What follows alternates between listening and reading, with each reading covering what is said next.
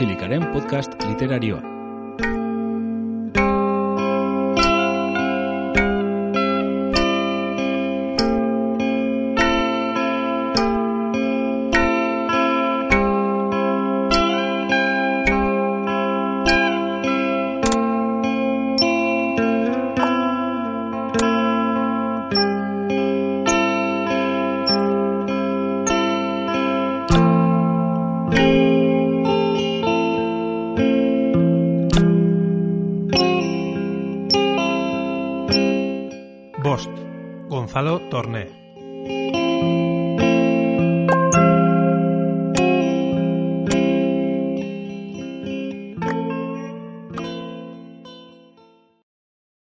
Eta amarrean argitaratutako Hilos de Sangre eleberriarekin hasi ginen ezagutzen gure gonbidatuaren ibilbide literarioa. Clara Monsalvajes personaiaren bidez, bikotekidearekin arazoak dauzkan hogeita mar urte inguruko pertsona baten krisia oso modu berezian nobelatzea lortu zuen. Debut indartxu horren ondoren publikatu dituen lanetan, Klararen inguruko pertsonaietan sakontzen jarraitu du. Gaztelania zaritzen direnak baino gehiago letra anglosa soietako erreferenteak gogora ekartzen dituen idazkera batekin. Elkarraizketa sofistikatuak, historio guztiak zeharkatzen dituen ironia fina, burgesiaren gaineko begirada komplexua, ahots partikular baten erakusgarri da azken amarkada luzean osatu duen obra. Ez da hori nola nahi ere urteotan landu duen hildo bakarra. Michel Montañen entxeiuak liburuarekin egin zuen edizio pertsonalak edo Virginia Woolfen egunerokoen antologiak erakusten duen moduan, ukiezinak diruditen materialei ere ez die beldurrik. Literaturari buruz, zenbait edabidetan argitaratu dituen artikuluek baiestatzen dute uste hori. Idazteaz gain, mendebaldeko tradizio literarioa begirada kritiko irakurtzen duen norbait da, gaur Zelanda berrian izango dugun Gonzalo Torne.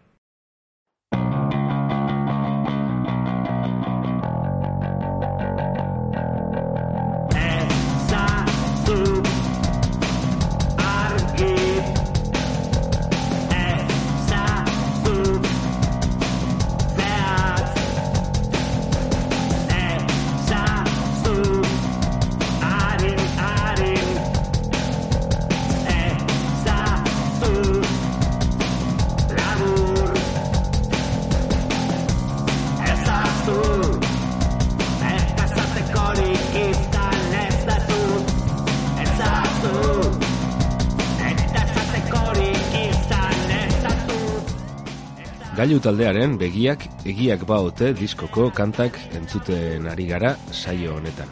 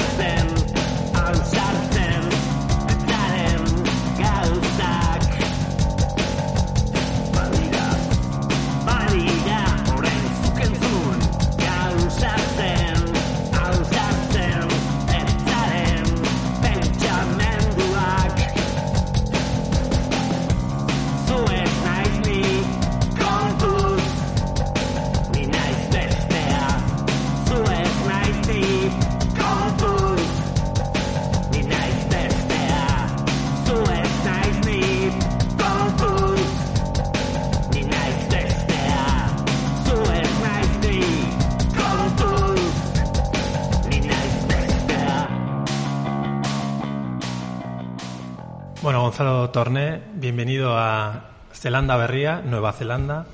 Siéntete libre, estamos muy, muy lejos de nuestros sitios habituales, así que siéntete libre para decir lo que, lo que quieras. Y nada, vamos a hacer un poco de repaso de tu trayectoria literaria y queríamos, bueno, empezar un poco por preguntarte sobre mm, tu formación literaria, porque por un lado sabemos que, digamos, eres muy aficionado al, cómic y hiciste trabajos de guion de cómics, luego estudiaste también filosofía, el mundo del baloncesto, que también aparece en algunos de tus libros. ¿Cómo fue un poco tu formación literaria en esos primeros años como lector, supongo, primero y después como escritor? Bueno, es un poco, bueno, en primer lugar, gracias por invitarme y buenas tardes. Es un poco arqueología, arqueología profunda, no es que me acuerde muy bien, pero más o menos el, el, relato este que más o menos inventado que todos nos hacemos, pero, pero también real, eh, yo empecé leyendo sobre todo TVOs, no tenía biblioteca, cierta un poco de biblioteca en casa, pero no, no, no me gustaba leer libros. además, las pocas experiencias que tuve con los libros terminaron mal, porque recuerdo como a los 12 años que nos dejaron escoger el libro que queríamos, yo cogí uno que se llamaba Almas Muertas, porque me parecía que iban a salir zombies o algo. El libro me gustaba un montón, aunque no entendía quién eran, cómo se podía hacer un libro sin malos, y cuando iba por la mitad el profesor me lo quitó porque dijo que no era para mi edad. Entonces me pareció siempre que todo aquello era como el mundo de los libros una cosa muy siniestra. Pero sí que leía mucho, realmente leía muchos TVOs. Lo que pasa es que en aquella época, yo soy del 76, leer TVOs no se consideraba leer, pero yo leía leía un montón y luego es verdad que me dedicaba sobre todo a jugar baloncesto y tal, pero siempre era muy amigo de los, de los que leían y de los que tenían libros siempre en las manos y demás. Luego mm, también por, por mm, empecé a estudiar filosofía porque me gustaba mucho, la verdad es que no, no, estaba dentro de ese mundo, pero me gustaban mucho las ideas y demás y tengo que reconocer que también porque me permitía entrenar por la tarde porque era lo único que pude conseguir de mañana. Y una vez, creo, ya en la universidad sí que me encontré con grupos de lectores, con grupos de gente que le escribía poesía y demás, y ahí ya me hice poeta, digamos, casi oficialmente, y me puse a leer con, con sistema, lo que más me interesaba era la estética y de ahí pues ya me fue cogiendo como el, como el gusanillo de escribir. Esta un poco sería la, la, peripecia. Luego sería, la segunda parte sería cuando empiezas, digamos, ya a publicar, que una cosa es como siempre escribir y luego el proceso de publicación, que es tu primer libro, si no nos equivocamos, es eh, Lo Inhóspito, ¿no?, del 2008. Eh, y a partir de ahí las novelas, ¿no? Básicamente novelas, eh, y bueno, ya muy pronto empiezas a, publicar, digamos, en editoriales importantes, en De Bolsillo, después en Random House y finalmente ahora en Anagrama. ¿Cómo fue, digamos, este proceso de empezar a publicar y todo eso que a veces es costoso para algunos escritores en sus inicios? En tu caso no sé cómo fue. Bueno, yo recuerdo días de angustia en, en, las librerías pensando qué cantidad de libros y ninguno es mío. Eso sí que lo recuerdo, eso, eso, pasó. Pero es verdad que luego todo ha ido mm, con bastante facilidad y ya se sabe que cuando las cosas son fáciles uno le parece que todo el mérito es de uno y entonces ya no, ya no piensa un poco cómo fue. Pero sí, sí que es cierto. Yo estaba en un grupo de investigación que se llamaba Las Nubes, que estábamos en torno a al filósofo Enrique Lynch, que era un grupo de investigación, pero también de amigos, y uno de los investigadores, o más bien estudiantes, no investigábamos, estudiábamos, tenía un hermano que iba a sacar una, una editorial. Y entonces yo tenía como unos cuentos que tenían opción de, de ser novela. En realidad son cuentos, ¿eh? pero bueno, en aquella época, no sé si ahora, pero en aquella época, coger unos cuantos cuentos y poner como dos cositas que se parecían de los cuentos y decir que era una novela, pues vestía más. Entonces la presentamos como novela, pero son... Eh, no, estoy siendo un poco así. Es verdad que se pueden leer como novela, ¿eh? pero es verdad que también es verdad que hice esa operación. Eh, perdona que diga, pero este es uno de los temas típicos críticos de Iván Zaldúa, que siempre, siempre menciona que hay mucho libro de cuento camuflado de novela, ¿no? Pero últimamente sí, es posible, sí, sí, y mucho, bueno, y mucho libro de testimonio, libro biográfico que pasa como novela, hmm. pero bueno, en el fondo da igual porque sabemos todos lo que estamos leyendo. Pero bueno, entonces en esta editorial me publicaron, me publicaron el libro y otro compañero de las nubes le pasó el libro a, a Ignacio Chavarría, el crítico, que no nos conocíamos de nada y, y bueno, lo presentó y demás y un tiempo después me puse a escribir eh, Hilos de sangre, que sí que es, yo considero que es mi primera novela. El Inhóspito es un libro que no le tengo, no le tengo nada en contra, pero no lo suelo poner como libro en mis biografías porque no forma parte de, digamos, del, del grueso de obras que yo considero que están interrelacionadas entre ellas. Y bueno, eh, Ignacio le pasó lo inhóspito a la editora de Random House en ese momento, que era Mónica Carmona y Claudio López, y les gustó el libro, ya lo sacaron en de bolsillo, y luego, unos años después, les di lo eh, Hilos de Sangre, y también lo sacaron, y, tuvo un premio y demás. Ahora me parece, la verdad es que contando esto, pero fue muy azaroso, porque del tiempo, por ejemplo, del tiempo en el que publiqué lo inhóspito a Hilos de Sangre, pues yo creo que con el Echevarría nos cruzamos una vez por la calle y le dije que estaba escribiendo una novela que en aquel momento tenía mil páginas, luego ya, ya lo fui arreglando. Pero, es decir, que yo no participaba de ese mundo literario barcelonés, pero enseguida me cogieron, la verdad es que súper bien y bueno, son la mayoría de mis mejores amigos, ¿no? Pero fue así, fue muy, muy azaroso y muy, y muy una gran suerte para mí, claro. Bueno, además de escribir eh, novelas, has hecho todo tipo de trabajos. Nos interesaba también estuviste trabajando durante una época en varios premios literarios. No sé si nos querrías contar en qué consistía este trabajo, porque es un tema que nos interesa también. Sí, sí, creo que se puede contar. Yo hacía el filtro de varios premios literarios que consistía en que recibíamos yo y un equipo de gente todos los manuscritos del premio, que a veces eran, nuestro récord llegó a ser 500, y hacíamos en tres, en tres tandas, una primera tanda que era una cata de 10 o 12 páginas, luego llegábamos hasta la mitad y luego llegábamos hasta el final porque realmente cuando un libro es muy malo es como si haces una peli. Todo el mundo mm. sabe a las, lo siento mucho por la gente que tiene otras expectativas, pero a las tres páginas ya ves muchas veces, muchas veces no, pero muchas veces ya ves que es horroroso, cosa que por ejemplo en poesía es más, es más complicado a veces, ¿no? Pero en prosa ya solo con los prólogos que envía el personal y un poco ya te, ya te das cuenta. Entonces sí, eso lo hice durante mucho tiempo en varias editoriales y en varios premios y nosotros lo que presentábamos era luego una lista de como siete, ocho finalistas y luego ya el jurado hacía lo que le... Y había constancia de eso, es decir, que si habían acusaciones de que no se habían leído los manuscritos, en estos premios concretos no se habían leído todos los libros es imposible, ¿no? Hay gente que te envía una trilogía, pero sí que se leía todo y se leía todo de manera abierta, porque yo no sabía, o no sabíamos yo y mi equipo, el, em, de quién era el libro. Realmente no lo sabíamos. Bueno, lo sabíamos si, si, el, si, había un personaje recurrente de un autor que siempre saca los mismos personajes, ¿no? Pero bueno, pero, pero en general no lo sabíamos. Y esa fue, sí, uno de mis, de mis trabajos editoriales, pues lo que sí que tenía claro desde el principio es que con independencia de si luego me he podido ganar o no la vida como escritor, yo no quería depender de económicamente de eso. Me parece que la gente se vuelve loquísima con mm. estas cosas y me parece con eso como no me acuerdo cómo se llama el crítico que decía que el primer problema literario uno que tiene que resolver es cómo ganarse la vida. Entonces, bueno, mm. como en Barcelona y el mundo editorial, este fue uno de mis ha sido uno de mis trabajos, sí. Y fue a partir de ahí donde, digamos, te entraste más en el mundo editorial a hacer otro tipo de trabajos más ya como editor que en realidad yo empecé no con esto, sino empecé en Círculo de Lectores con Silvia Sese haciendo eh, solapas de manera estajanovista.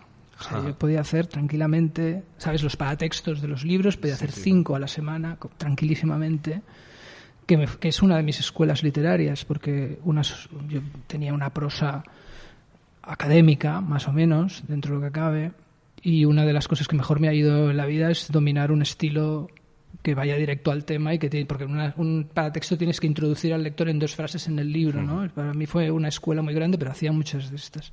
Luego hacía también muchos informes de lectura. Eh, sí, con algún, con alguna, sí, sí, informes de lectura y luego se llamaba eso asesor literario, pero son informes de lectura y la palabra técnica es informante y yo hacía muchas muchas cosas de estas y muy bien. No, no que las hiciera muy bien, sino que las hacía súper contento. Y luego de eso mm, pasamos, pasé a los a los concursos, eh, pero simultaneando, siempre simultaneando. Incluso ahora sigo sigo leyendo manuscritos cuando algún amigo editor de confianza me pasa. O sea, esos son trabajos editoriales que siempre me han me ha interesado. Cuando estudiábamos en la Facultad de Filosofía nos decían que eran carreras sin salida.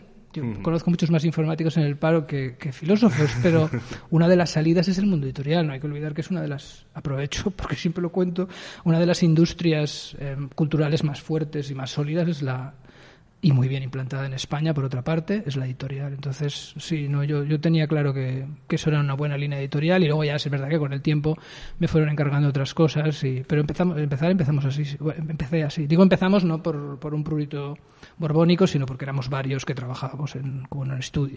De todas formas, son trabajos que es verdad que no suelen tener como una representación pública, quiero decir, bueno, cuando hablas de lo de las salidas, ¿no? Me, ha venido esto. No, es algo que la gente se imagine como, como un oficio, como un como una salida, eh, incluso dentro del mundo editorial, ¿no? Eh, me resulta interesante esto. ¿Qué clase de trabajo se hacen en el mundo editorial que, que seguramente no tienen, pues, bueno, digamos, este reconocimiento público que, que igual otros trabajos como el de editor pueden tener, ¿no? No, pues sí, sí, lo que, lo que te comentaba, que sí, que es, es, una, es una salida laboral. Yo mm. ya te digo que como no tenía excesivo excesiva vanidad, no me, no me daba igual si me lo reconocían o no, y lo que no quería hacer era ocho horas de ninguna de las maneras en un sitio, estaba dispuesto hasta a pintar las portadas con tal de no, de no meterme en una oficina pero eso va con, va con caracteres. Mm. Pero sí, es una salida porque hay muchas cosas. Bueno, hubo un momento con el Festival Flamenco del ebook que parecía que todo esto iba a terminar. A mí recuerdo que me invitaron a un, a un congreso mundial en Barbastro de, de ebook y me, me hicieron hacer la conferencia inaugural y estaba lleno de gente vendiéndote cosas, es decir, vendiéndote para textos, pero por internet, ¿sabes? Como si fueran a reformularlo todo, ir sacando todo el mundo, pero esa de las editoriales y meterse ellos, pero esa batalla afortunadamente la ganamos. El ebook sigue existiendo, pero como un complemento, no como un depredador introducido en el ecosistema que iba a devorarnos a todos, ¿no? En ese momento sí que pareció que, que además se juntaba con la crisis, pero ahora mismo yo creo que es una salida esto está mal decirlo, pero se paga bastante mejor un informe de lectura en una editorial que un artículo en un periódico.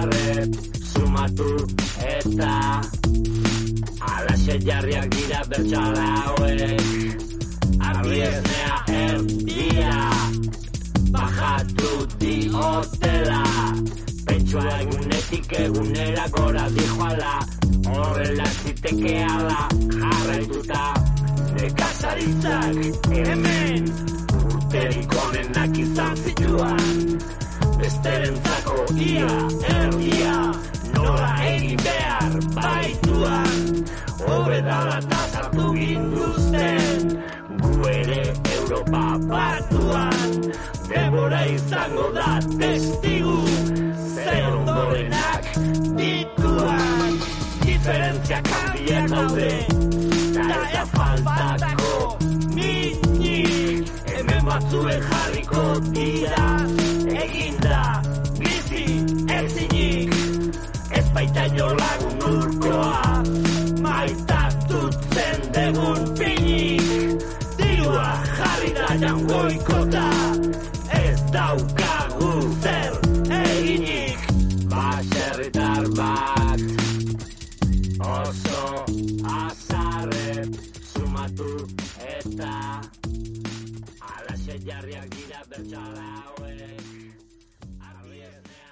En los últimos años, sobre todo, te hemos conocido como novelista, ¿no? Quizá como escritor tu parte más sólida ha sido las novelas que has escrito en los últimos años, que empiezas, como has comentado, con Hilos de Sangre y, bueno, acaba hasta ahora el último que has publicado, el, Corazón de la Fiesta, ¿no? Y hay todo eso, como has comentado antes, nos ha sugerido que hay un, digamos, un mundo literario más o menos común en estas novelas y hay un apellido primordial en todas estas novelas que es Monsalvachas. Bueno, ¿cómo llegas a esta familia, que es una familia barceloní, ¿no? Eh, burguesa, más o menos burguesa, y bueno, uno de los personajes, principales, Clara Monsalvatjas. ¿Cómo llegas a este personaje? ¿Cómo, ¿Cómo te encontraste de alguna forma o cómo llegaste a esta familia y a esta Clara Monsalvatjas? Bueno, la, verdad es que de estas cosas te olvidas. Te olvidas bastante. Lo que sí recuerdo es que estaba escribiendo yo bajo la influencia de Cormac McCarthy como un western apocalíptico de, no sé, de 300 o 400 páginas. Deben quedar unas 30 o 40 en alguna carpeta. Y al mismo tiempo se me ocurrió que como eso no era tan escandalosamente McCarthy, y yo siempre pienso que todo el mundo ha leído los libros que yo he leído, luego te das cuenta que no, pero hay un momento que piensas esa angustia la influencia de que todo el mundo te va a pillar de todo lo que te copias. Pues empecé a pensar, me interesaba por otros motivos, ¿eh? pero empecé a pensar una, otros capítulos dentro de la misma novela que hubiera un contraste entre generaciones, entre la generación, digamos, de los abuelos y la generación de los nietos. Entonces habían tres novelas, o tres capítulos de la novela, que uno era Clara y el abuelo, que es como el chiste de Heidi, pero de eso me di cuenta mucho más tarde. Eh, otra novela que era la del, tío Alfred y Álvaro Monsalvajes, que sería Años Felices, y una tercera, que es la tercera hermana, Amanda Monsalvajes, y, y el otro tío que creo que se llama Jonas, Jonas Monsalvajes que esta es la que falta por escribir.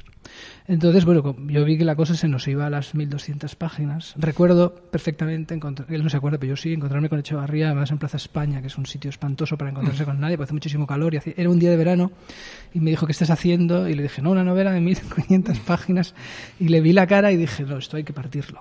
Esto hay que partirlo inmediatamente. Y así sí, así fue. Bueno, des- evidentemente descarté el western por motivos de decencia literaria y partí las tres novelas. Partí las tres novelas, eh, una ya, y Los de Sangre, que ya es suficientemente larga, una, la Años Felices y la que no ha salido. Y también planeé, planeé concretamente en, ah, creo que fue en Gerona, en la calle Gerona, esquina Consell de Sen, me caí del caballo como no sé quién, o se me apareció la Virgen y pensé, calla, que esto puede ser un, un sistema que no lo he dicho, no- o sea, lo digo, lo- la primera vez que lo dije fue cuando salí Años Felices porque, porque Silvia, la editora me lo pidió delante de los periodistas, pero yo es una cosa que te callas, ¿no? Y no- ir por el mundo diciendo, tengo una tetralogía, mucha vergüenza. Pero bueno, que ya estoy a la mitad, ya lo digo.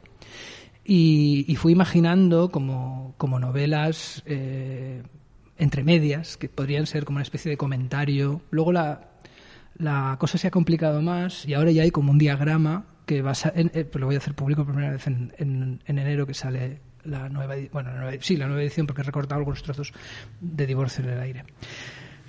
Así se me ocurrió. Es es una descripción muy formal pero es que a mí todo se me ocurre formalmente aunque para mí lo más importante lo más interesante lo que más me divierte de las novelas son los personajes realmente al final pues tengo que decir de mí mismo que creo que soy un escritor de personajes. Pero lo primero que se me ocurre es la forma de la novela. O sea, yo, por ejemplo, Divorcio del Aire, me daba igual Joan Marc y me daba igual el- lo que quería hacer una novela en una secuencia, en un solo movimiento y que fuera muy, muy rápida. Y eso, eso, bueno, eso no se ha hecho, o yo no lo he visto, y porque si me a hacer cosas que ya se han hecho, me pasa como con lo de McCarthy, que me doy mucha vergüenza a mí mismo. Luego saldrá mejor o peor. Y luego ya te em- empiezas a crear a los personajes, o empiezas a imaginar a los pero de crear me da mucha vergüenza también, eh, eh, porque además es mentira. Eh, empiezas a imaginar a los personajes. Y entonces imaginar a los personajes, pues, pues funciona así, ¿no? Conoces a alguien, lo distorsiones un poco con la imaginación, conoces a otro, lo juntas, vas viendo cuál es el fuerte de ese personaje. En el caso de Clara, pues, bueno, yo no, no soy quien para hablar de mis personajes, ¿no? Pero en ese momento me parecía que no había muchos personajes en la literatura española que funcionaran a partir no sé cómo decirlo, de, de una firmeza, pero al mismo tiempo de una blandura, ¿no? Es una persona que, que es muy lista, creo, es muy inteligente, pero al mismo tiempo se regala un montón en sus, en sus sinuosidades, ¿no? Y además me servía como narradora, como reflejo de la narración cuando alguien le habla de algo y además como personaje como personaje central, ¿no? Tanto es así que ahora voy a sacar un ensayo y es un intercambio de cartas con mi personaje, ¿no? Pero no, no, no parto del personaje como diciendo, ah, me interesa mucho. De hecho, una cosa muy curiosa con este personaje es que no es de la burguesía catalana, es, es un, un curiosísimo equívoco que arrastra. En el fondo, sus padres, sus abuelos tienen una confitería, creo. No sé si eso la convierte. es más bien una familia de butigués, ¿no? Que diríamos en catalán, de, de pero como, bueno, pues desde el primer momento ya salía en el país el, sangriento encanto de la burguesía o tal, dices, bueno, no vas a enmendar a los pobres periodistas, pero propiamente, propiamente es una familia de, de tenderos, bueno, más o menos bienestantes, no, no te diré que no, pero pero no, no, es una gran burguesía, no es, no es una novela de los Goiti solo. ¿no? Y relacionado con eso, espacios. Eh, en Barcelona aparece Barcelona, en, diría yo, en todas tus novelas, o casi todas, y un espacio que es la Eixample también, con especial intensidad, diría. Hay muchas más novelas sobre Barcelona y la novela de Barcelona se ha dado mucho que hablar, pero me parece que este espacio de la Eixample, que antes justamente has comentado que una de las ideas te surgieron ahí, ¿no? En Girona con, con Celesent, has dicho. Sí, sí. Eh, no es ese espacio de la Eixample donde aparece también en estas novelas, ¿no? Sí, esto también tiene una explicación de orden funcional. Yo soy de Sans y he pasado toda mi vida hasta los 28 en Sans Las Corts, que me lo sé de memoria, o sea, me podría haber convertido en, una, una, un escritor de barrio. Pero escribir de las cosas que ya sabes, pues estás constantemente como constreñido, porque en el fondo, aunque la literatura puedes decir lo que quieras, pues tampoco puedes ir haciendo el ridículo, ¿no? Pero luego ya me fui a vivir a los veintitantos al ensanche, al ensanche Dret, eh, que es un barrio muy variado porque no llega a ser, digamos, la zona alta, que es como de diagonal para arriba, donde no he pisado nunca los pies. O sea, no es un sitio que yo. Pero sí, es un, un sitio de, con cierta calidad de vida, con mucha profesión liberal, pero también con las abuelas de toda la vida, con, con estudiantes. Es decir, es un. Y no tiene forma de barrio tampoco. Es decir, a nadie se le ocurre asociarlo con un barrio. Y era un espacio que yo iba conociendo y con el que me sentía con cara suficiente como para decir lo que me diera la gana porque, porque no, no tenía, digamos, la presión de conocerlo. Es decir, hay una presión, por un lado, de conocer mucho las cosas, que te coarta a la hora de imaginar, y por otro es como si yo me vengo aquí, a- supongamos que me hubiera venido a vivir aquí y tuviera que hacer una novela sobre San Sebastián o sobre el País Vasco. No la puedo hacer porque no sé qué periódicos lee la gente según sus ambiciones o en qué escuela han ido, quiénes son. Es decir, si no conoce, o sea, el, el conocimiento que a mí me va es el, el, el- el indistinto, digamos, que diría Descartes. Es una cosa que me permite más o menos no meter la pata, eh, entender cuáles son los códigos sociales, o sea, no hacer una película de españoles o de catalanes y que salgan toreros, es decir, este tipo de cosas, o mexicanos con un gorro así, este tipo de- pero al mismo tiempo que, que no sean, digamos, la persona que me vendía el,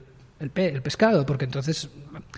eh, Y, y ahí empecé a, a- Y luego, para mi sorpresa, es verdad que las novelas se integraron como, como unas novelas de, de Barcelona, pero eh, es posible que sí, porque al final uno no sabe exactamente qué tipo de información está dando, porque yo qué sé, yo voy escribiendo, pero no, no, no tenía un ánimo de que fueran novelas de Barcelona directamente, ¿no? Porque ya te digo que yo no sé nada de... Por ejemplo, hay una cosa muy divertida, bueno, no tiene nada de gracia, pero hay un personaje que hay un momento que dice que no se imagina la vida en, en- a partir de la última casa del ensanche, pero es que yo en aquel momento nunca había estado en, en, en Poplanou, ¿no? Y hay veces que dice, ¿no? Pues que, que- novela más pija que no hay... Pero, pero, pero, sí, pero en cambio en San sí que me lo sabía y en el Hospitalet también. Es decir, es una cuestión eh, bueno, de, sí, de situación social, ¿no? Una ciudad es muy grande para poderla contener en un libro. Bueno, si eres Joyce igual puedes, pero tampoco he estado en Dublín, igual seguramente tampoco la contienen, perdón. Hacerse mayor no tenía nada que ver con que te crecieran los huesos. Hacerse mayor pasa cuando las personas a las que quieres ya no pueden seguir esperando a que decidas quién vas a ser, cuando por exigencias externas, por lealtad, por amor, desgarras la ambigüedad de tus expectativas para volverte más conciso y efectivo. Gonzalo Torné. Años felices.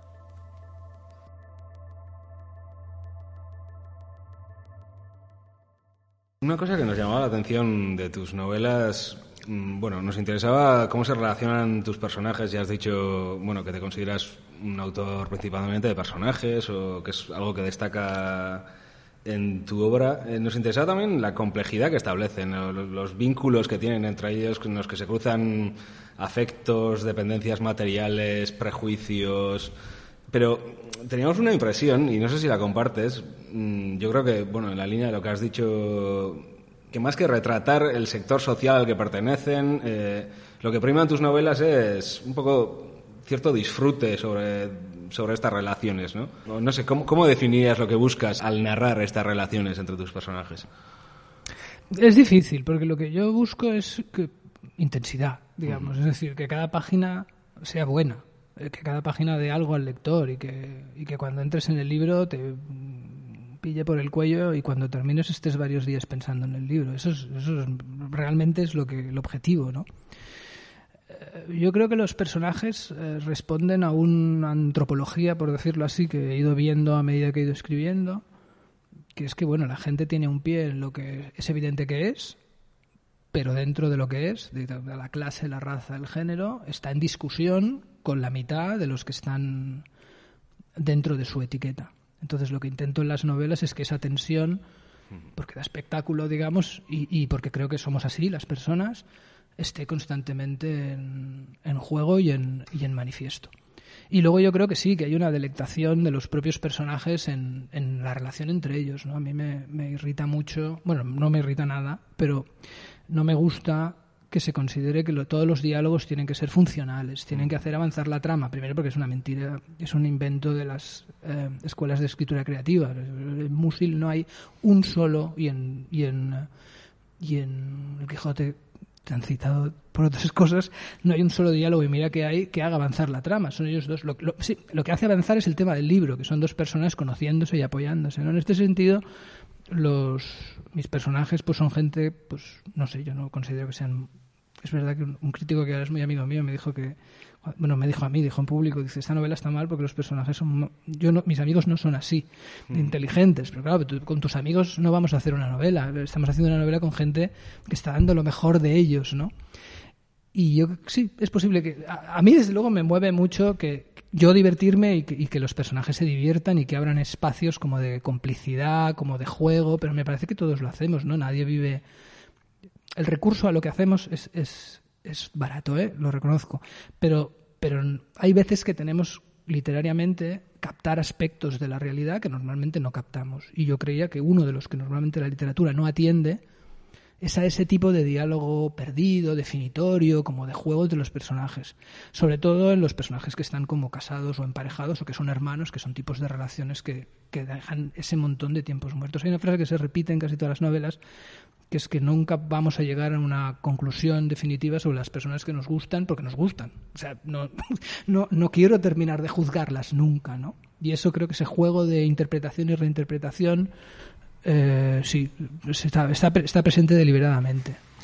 Sí, justamente te queríamos preguntar también sobre la cacareada cuestión de la verosimilitud, que muchas veces aparece en un cierto eh, tipo de literatura, eh, se subraya mucho la importancia de la verosimilitud, pero nos da la impresión que en tus novelas hay cierta licencia sobre esa supuesta norma o que deberían regir algunos tipos de literatura y que, como has comentado, ¿no? hay personajes que quizá a alguna gente no les parece muy sujetos a la realidad, eh, supuestamente. En ese sentido, por ejemplo, no hay ninguna voluntad por tu parte de, de esta idea naturalista de que cada personaje hable de una forma diferente, particular. Y, bueno, vemos como que es todo un. Eh, lo incluyes en un tipo de escritura que no se detiene en estas cuestiones realistas, naturalistas clásicas, ¿no? Bueno, yo intento que todos los personajes piensen y sientan de manera distinta. Es decir, yo sí que tengo una preocupación por la personalidad de cada personaje, que no es una personalidad, eh, o intento que no sea una personalidad que pueda definirse a priori. O sea, no es que haya uno celoso y uno envidioso, sino que hay uno que una personalidad que tú reconoces que en ese momento es celosa o envidiosa, pero pero no no son o intento que no sean arquetipos, intento que que sean personalidades, ¿no? O sea, y sobre lo que dices, es, que es una trampa. Se, puede entender muy fácil si nos vamos a la polémica ridícula que tenía Voltaire con, con Shakespeare, que evidentemente tenía razón Shakespeare. Bueno, no, no Shakespeare, estaba muerto, pero tenía razón Shakespeare porque lo de Voltaire era tontería, ¿no? Las leyes, famosas las leyes de unidad. Tú creas una, una es decir, un, una, una convención, en este caso, pues que todas las obras tienen que pasar en un día, en un mismo espacio y, no hay que decir palabrotas. Entonces, si tú te, te, tragas, digamos, no hay, otro, no hay otro verbo, esa convención, pues te parecerá inverosímil toda obra que transcurra en dos días, en varios espacios, donde se digan palabrotas. Pero claro, la vida transcurre en varios espacios, transcurre en varios días y se dicen palabrotas. Entonces tú te vas a ver una de Cornelia y Cornelia todavía, pero de, Racine, y ves una peña con peluca diciendo unas tonterías impresionantes, saliéndose cada vez que tienen que decir algo inadecuado, y como rápido, rápido para que se termine la obra. Y dices, bueno, esto es una chaladura impresionante, esto es totalmente inverosímil, además es ridículo y está mal hecho. Pero, pero no era así. Voltaire, que tiene fama de tolerante, pues no sé por qué, cuando fracasó en la prohibición de las obras de Shakespeare, empezó a exigir que las representasen guillotinadas, es decir, cortadas, que es como se representan las obras. Que la verdad un día tengo que investigarlas porque tiene que ser un morbo espectacular las versiones francesas de las obras de Shakespeare.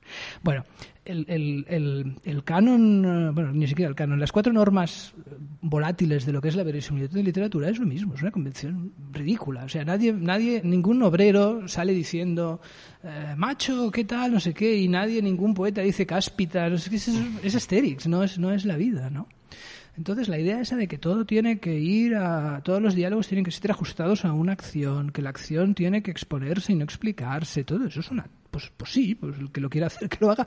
Pero primero, no tiene nada que ver con, con el arte. no, no pasa en Proust, no pasa en Virginia Woolf, no pasa en Jane Austen, porque tiene que pasar en mi novela.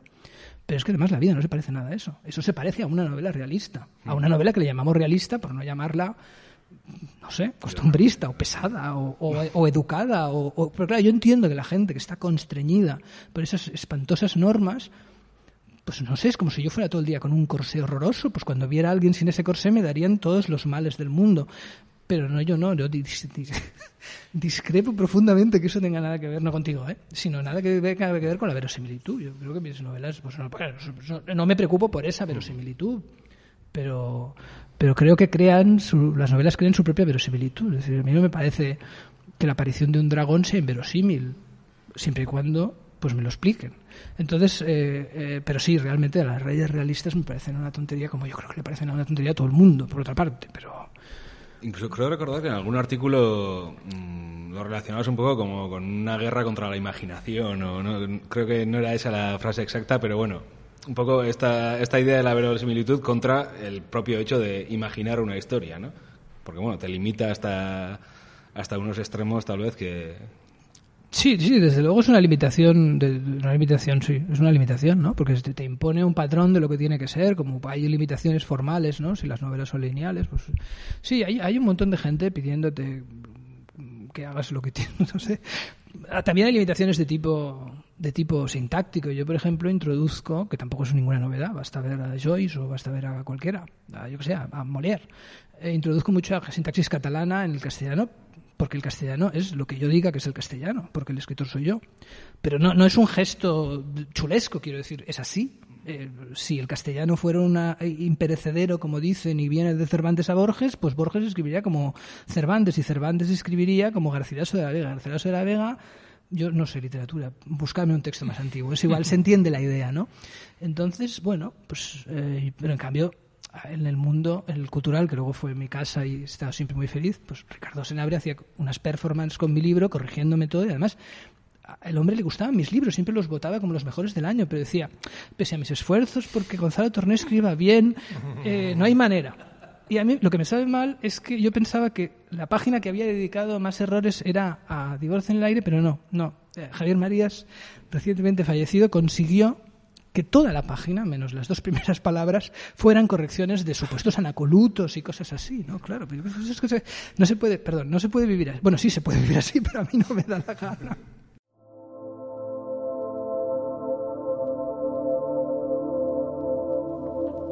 Pronunció las últimas palabras como si manejase una sustancia que al echarse a perder le hubiese quemado las manos. Cuando se levantó a pagar me convenció de que a este bastardo le había faltado un escenario donde lucirse. Suerte que los chicos que bailan nunca se quedan solos.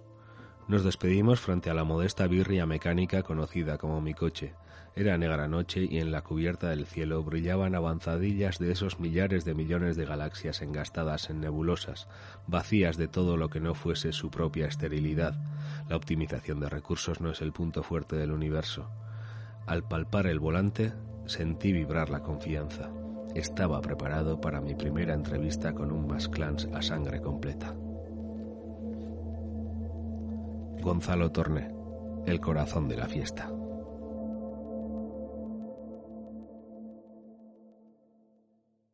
Otra cuestión que aparece en, tus novelas, quizá no tiene una presencia terrible, pero bueno, para, para nosotros también es llamativa, es lo que podríamos decir un poco jocosamente la cuestión judía. Es decir, que mm, en tus personajes aparece la cuestión de la identidad judía, más o menos, pero es algo, por ejemplo, que en la literatura española, y diríamos en la cultura española, es algo contemporáneo, al menos que no tiene apenas presencia. Y no sabemos si tiene que ver, conocemos tu querencia por los narradores americanos judíos, pues eh, no sé, Bellow, Roth, Ozick. No sé si te viene de ahí. Bueno, yo, de nuevo, más que temáticamente, yo creo que aparece sobre todo formalmente. Y esa, esa, esa cosa formal se proyecta sobre, sobre el material literario. Cuando yo estaba eh, empezando a escribir Los de Sangre, había como dos problemas técnicos que me apetecía, no sé si, no resolver, no, no, no parecemos Oteiza, ¿no? Voy a cerrar la, la escultura, ¿no? Pero me apetecía mejorar, digamos, o, proyectar mi versión. Una era intentar hacer un castellano lo suficientemente amplio de registro como para que se pudiera pasar de, un, de una reflexión filosófica, bueno, una reflexión literaria, a una humorada, a un registro muy bajo, un registro muy alto, a una barbaridad, a una cosa más fina, dentro del casi casi a veces del mismo párrafo de la misma frase. Eso me parecía que en castellano no estaba hecho, porque incluso autores que son muy buenos con el pensamiento literario, como Marías o Pombos distintos, se acerca más a lo que yo estaba intentando hacer, se mantienen siempre en un registro menos bronco y de hecho cuando se ponen broncos empezamos todos a, sufrir por, por, el, por, lo que va a pasar, no en la novela, sino en esa página, ¿no? Eso era una cosa que a mí me, me, interesaba.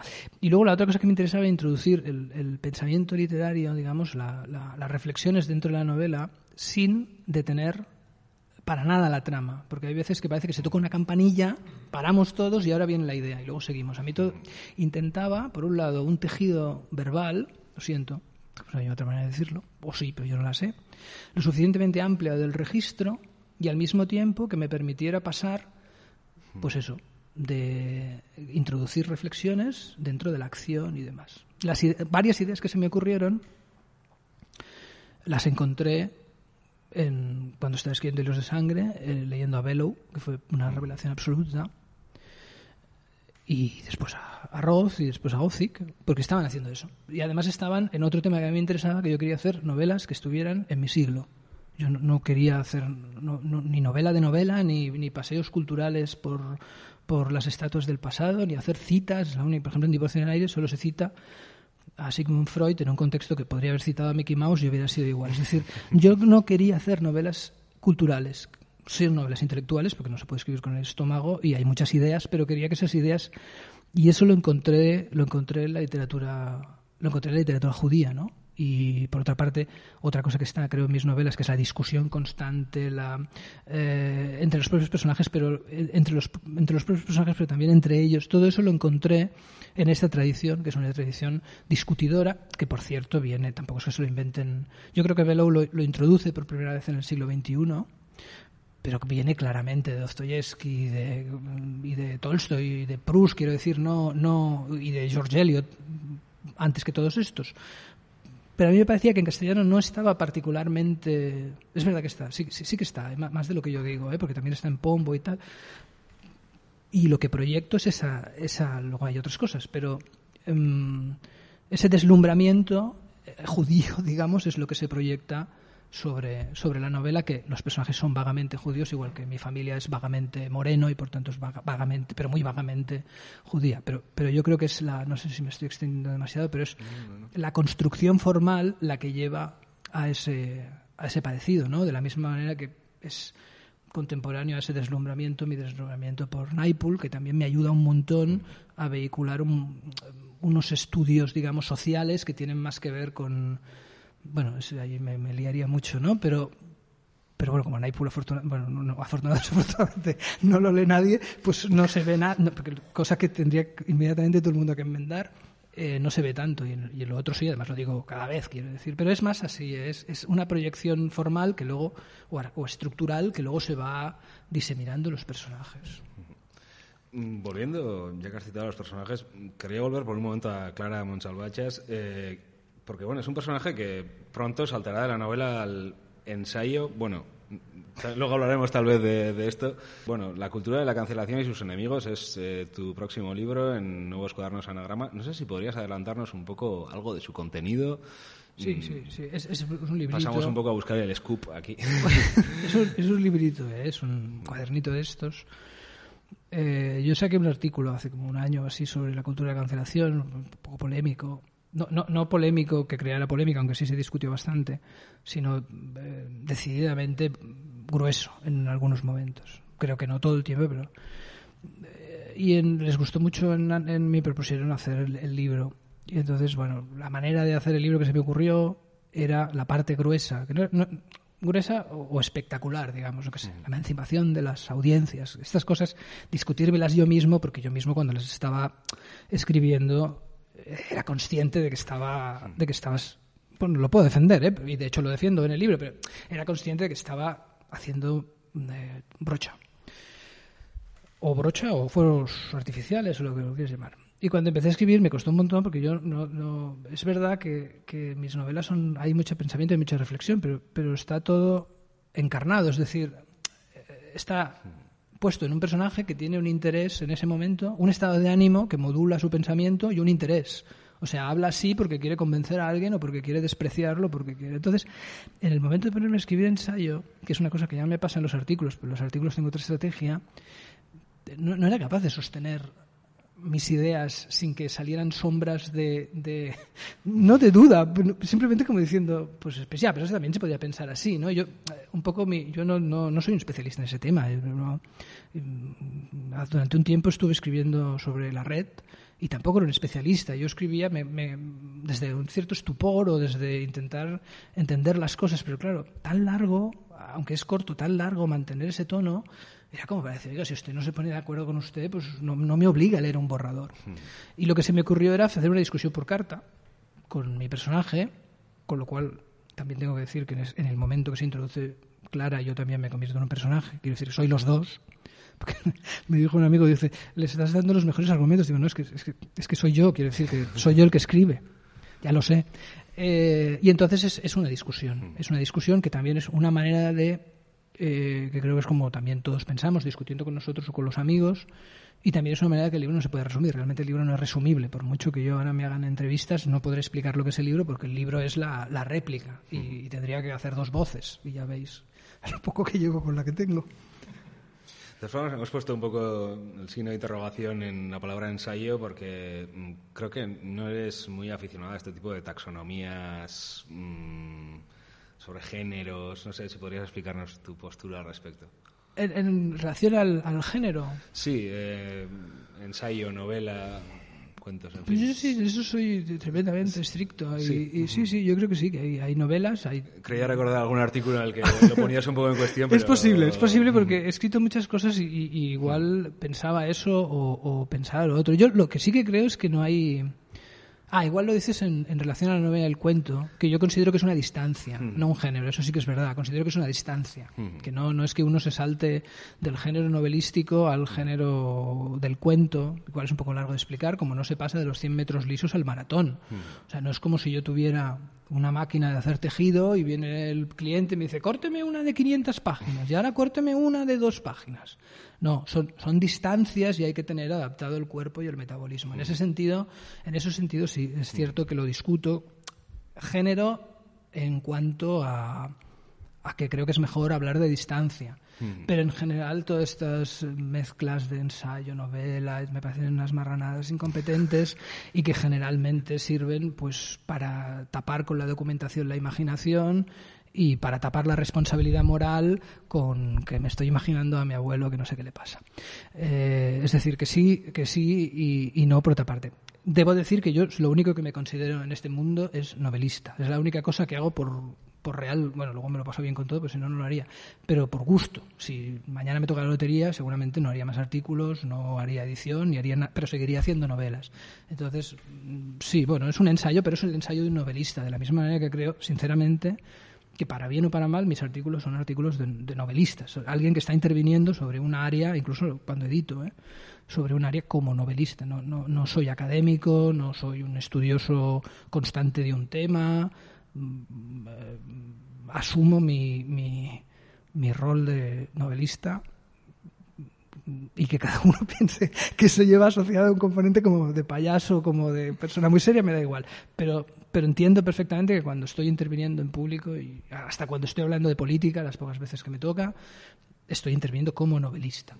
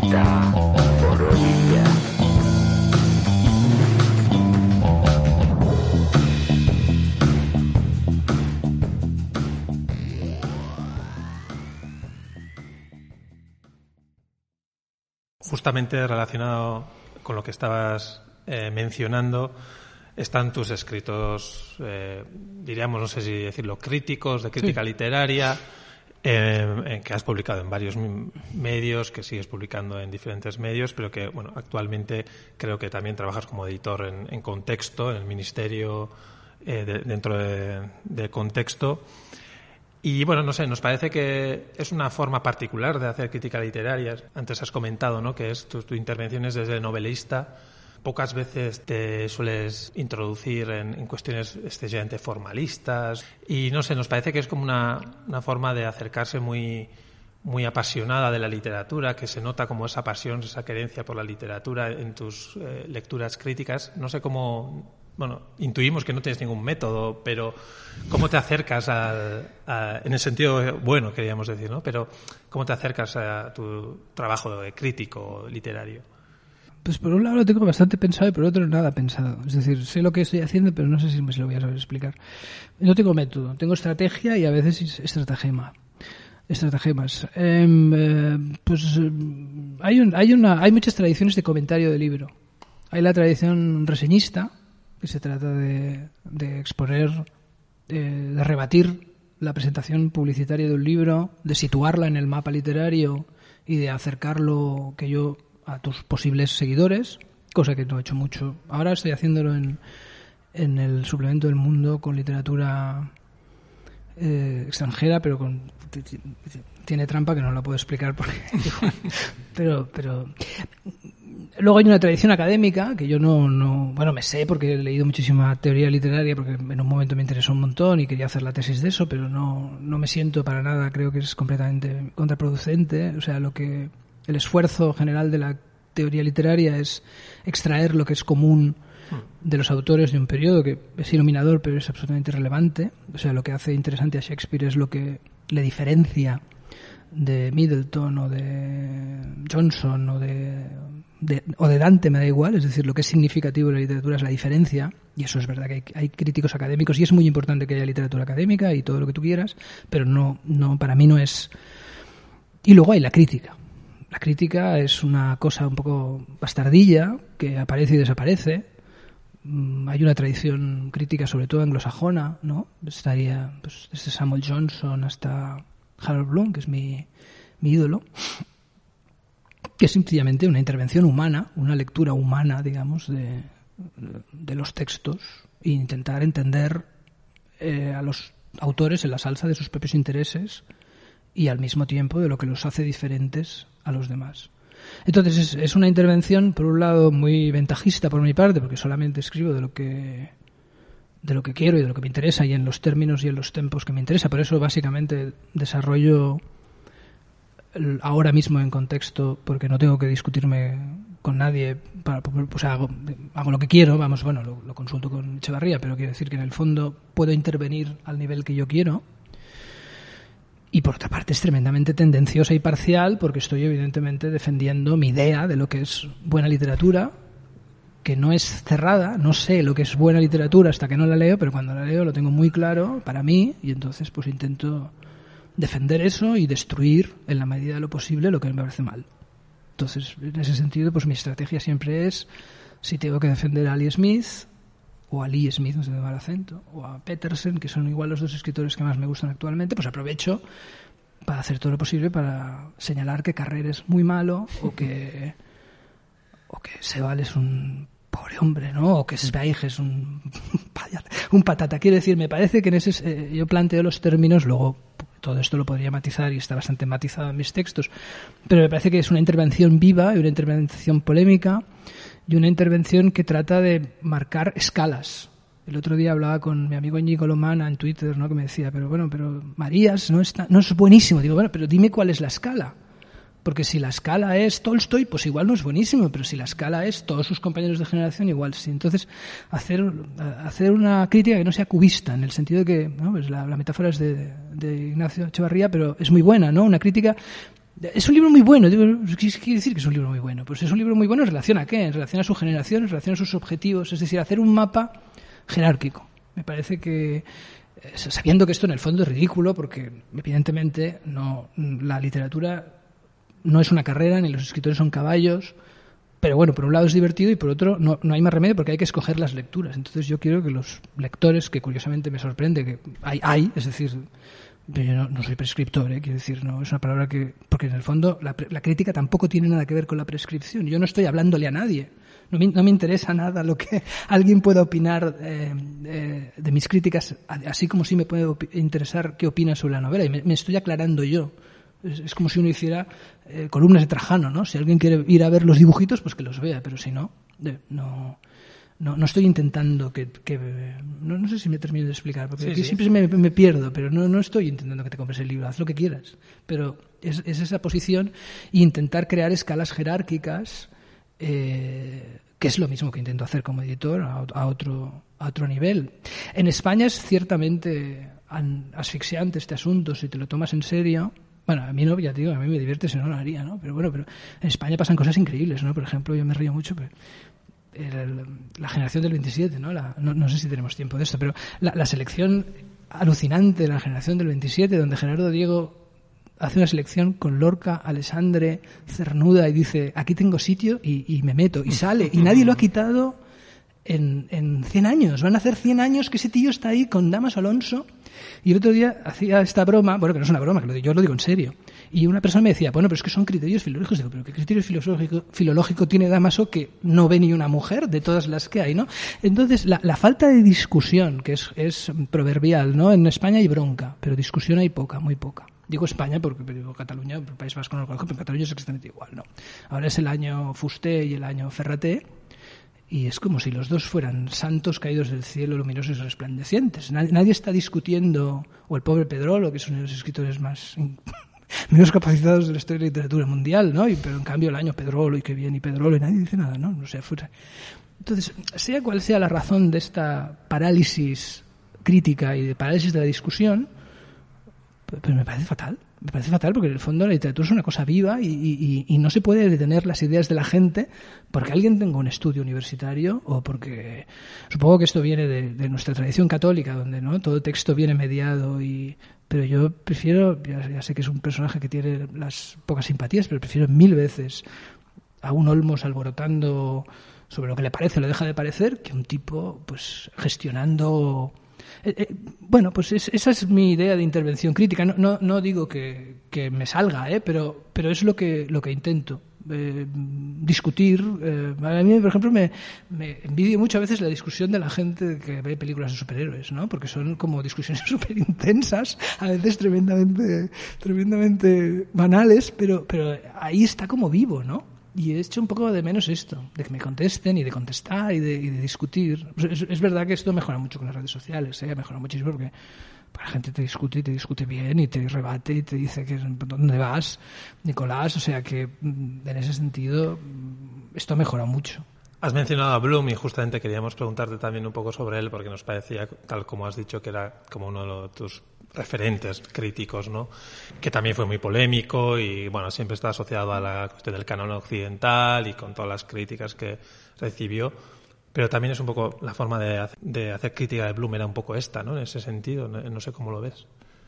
Bueno, la- la estrategia es parecida, aunque él lo hacía primero con mucha más capacidad que yo y con muchas más lecturas y luego lo hacía desde la, desde la universidad. Yo me- en ese sentido me, me siento más cercano con la insalvable distancia del talento a lo que hacían Henry James o Virginia Woolf, que era constantemente estar interviniendo sobre la literatura de su tiempo en público y aprovechando para reflexionar literariamente al tiempo. ¿no? Decía Virginia Woolf que lo importante de una reseña es lo que no está relacionado con el libro, sino la reflexión literaria, y de hecho es así, excepto cuando es un personaje muy importante como como yo que sé, como Jane Austen o George Eliot o, Hardy, lo interesante de Virginia Woolf es lo que dice, que no tiene- bueno, sí, que, que está al hilo del, del libro, pero es su idea literaria, ¿no? Lo interesante de una antología de reseñas de Virginia Woolf sería ir sacando, sacando esas ideas.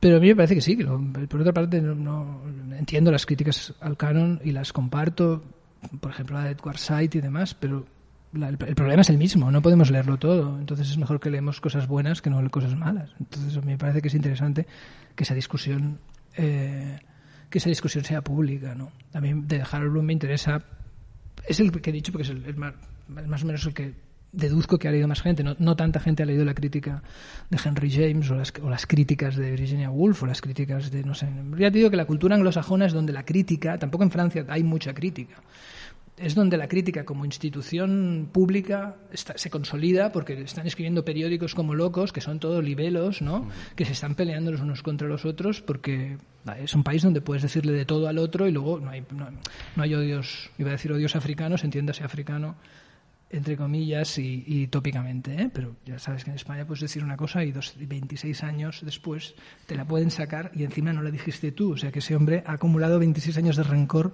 contra otro. Esto, esto yo lo he visto, lo he vivido, quiero decir, ¿no?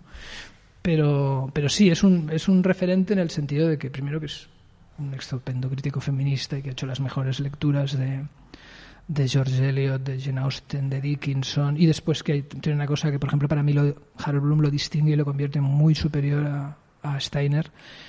Primero que tiene buen gusto, Steiner es tremendo, tremendo pero tremendo, cada vez que juicia, que el presente, ¿no? Pues es capaz de decir que Roth es eh, un obsceno y que le encanta en cambio este del cuarteto, el que hicieron, no me acuerdo cómo se llama, el cuarteto de Alejandría, que es un pelma total. Bueno, es igual, tiene muy mal gusto. Y en cambio, la, apuesta de Bloom por valorar en caliente a sus compañeros de generación o a la gente nueva es una cosa verdaderamente admirable, ¿no? O sea, na nadie hablaba de Ashbery, nadie hablaba de Ann Carson, nadie hablaba de McCarthy, nadie hablaba de Pinchon, es él el primero, bueno, en caso de Pinchon habría uno más, ¿no?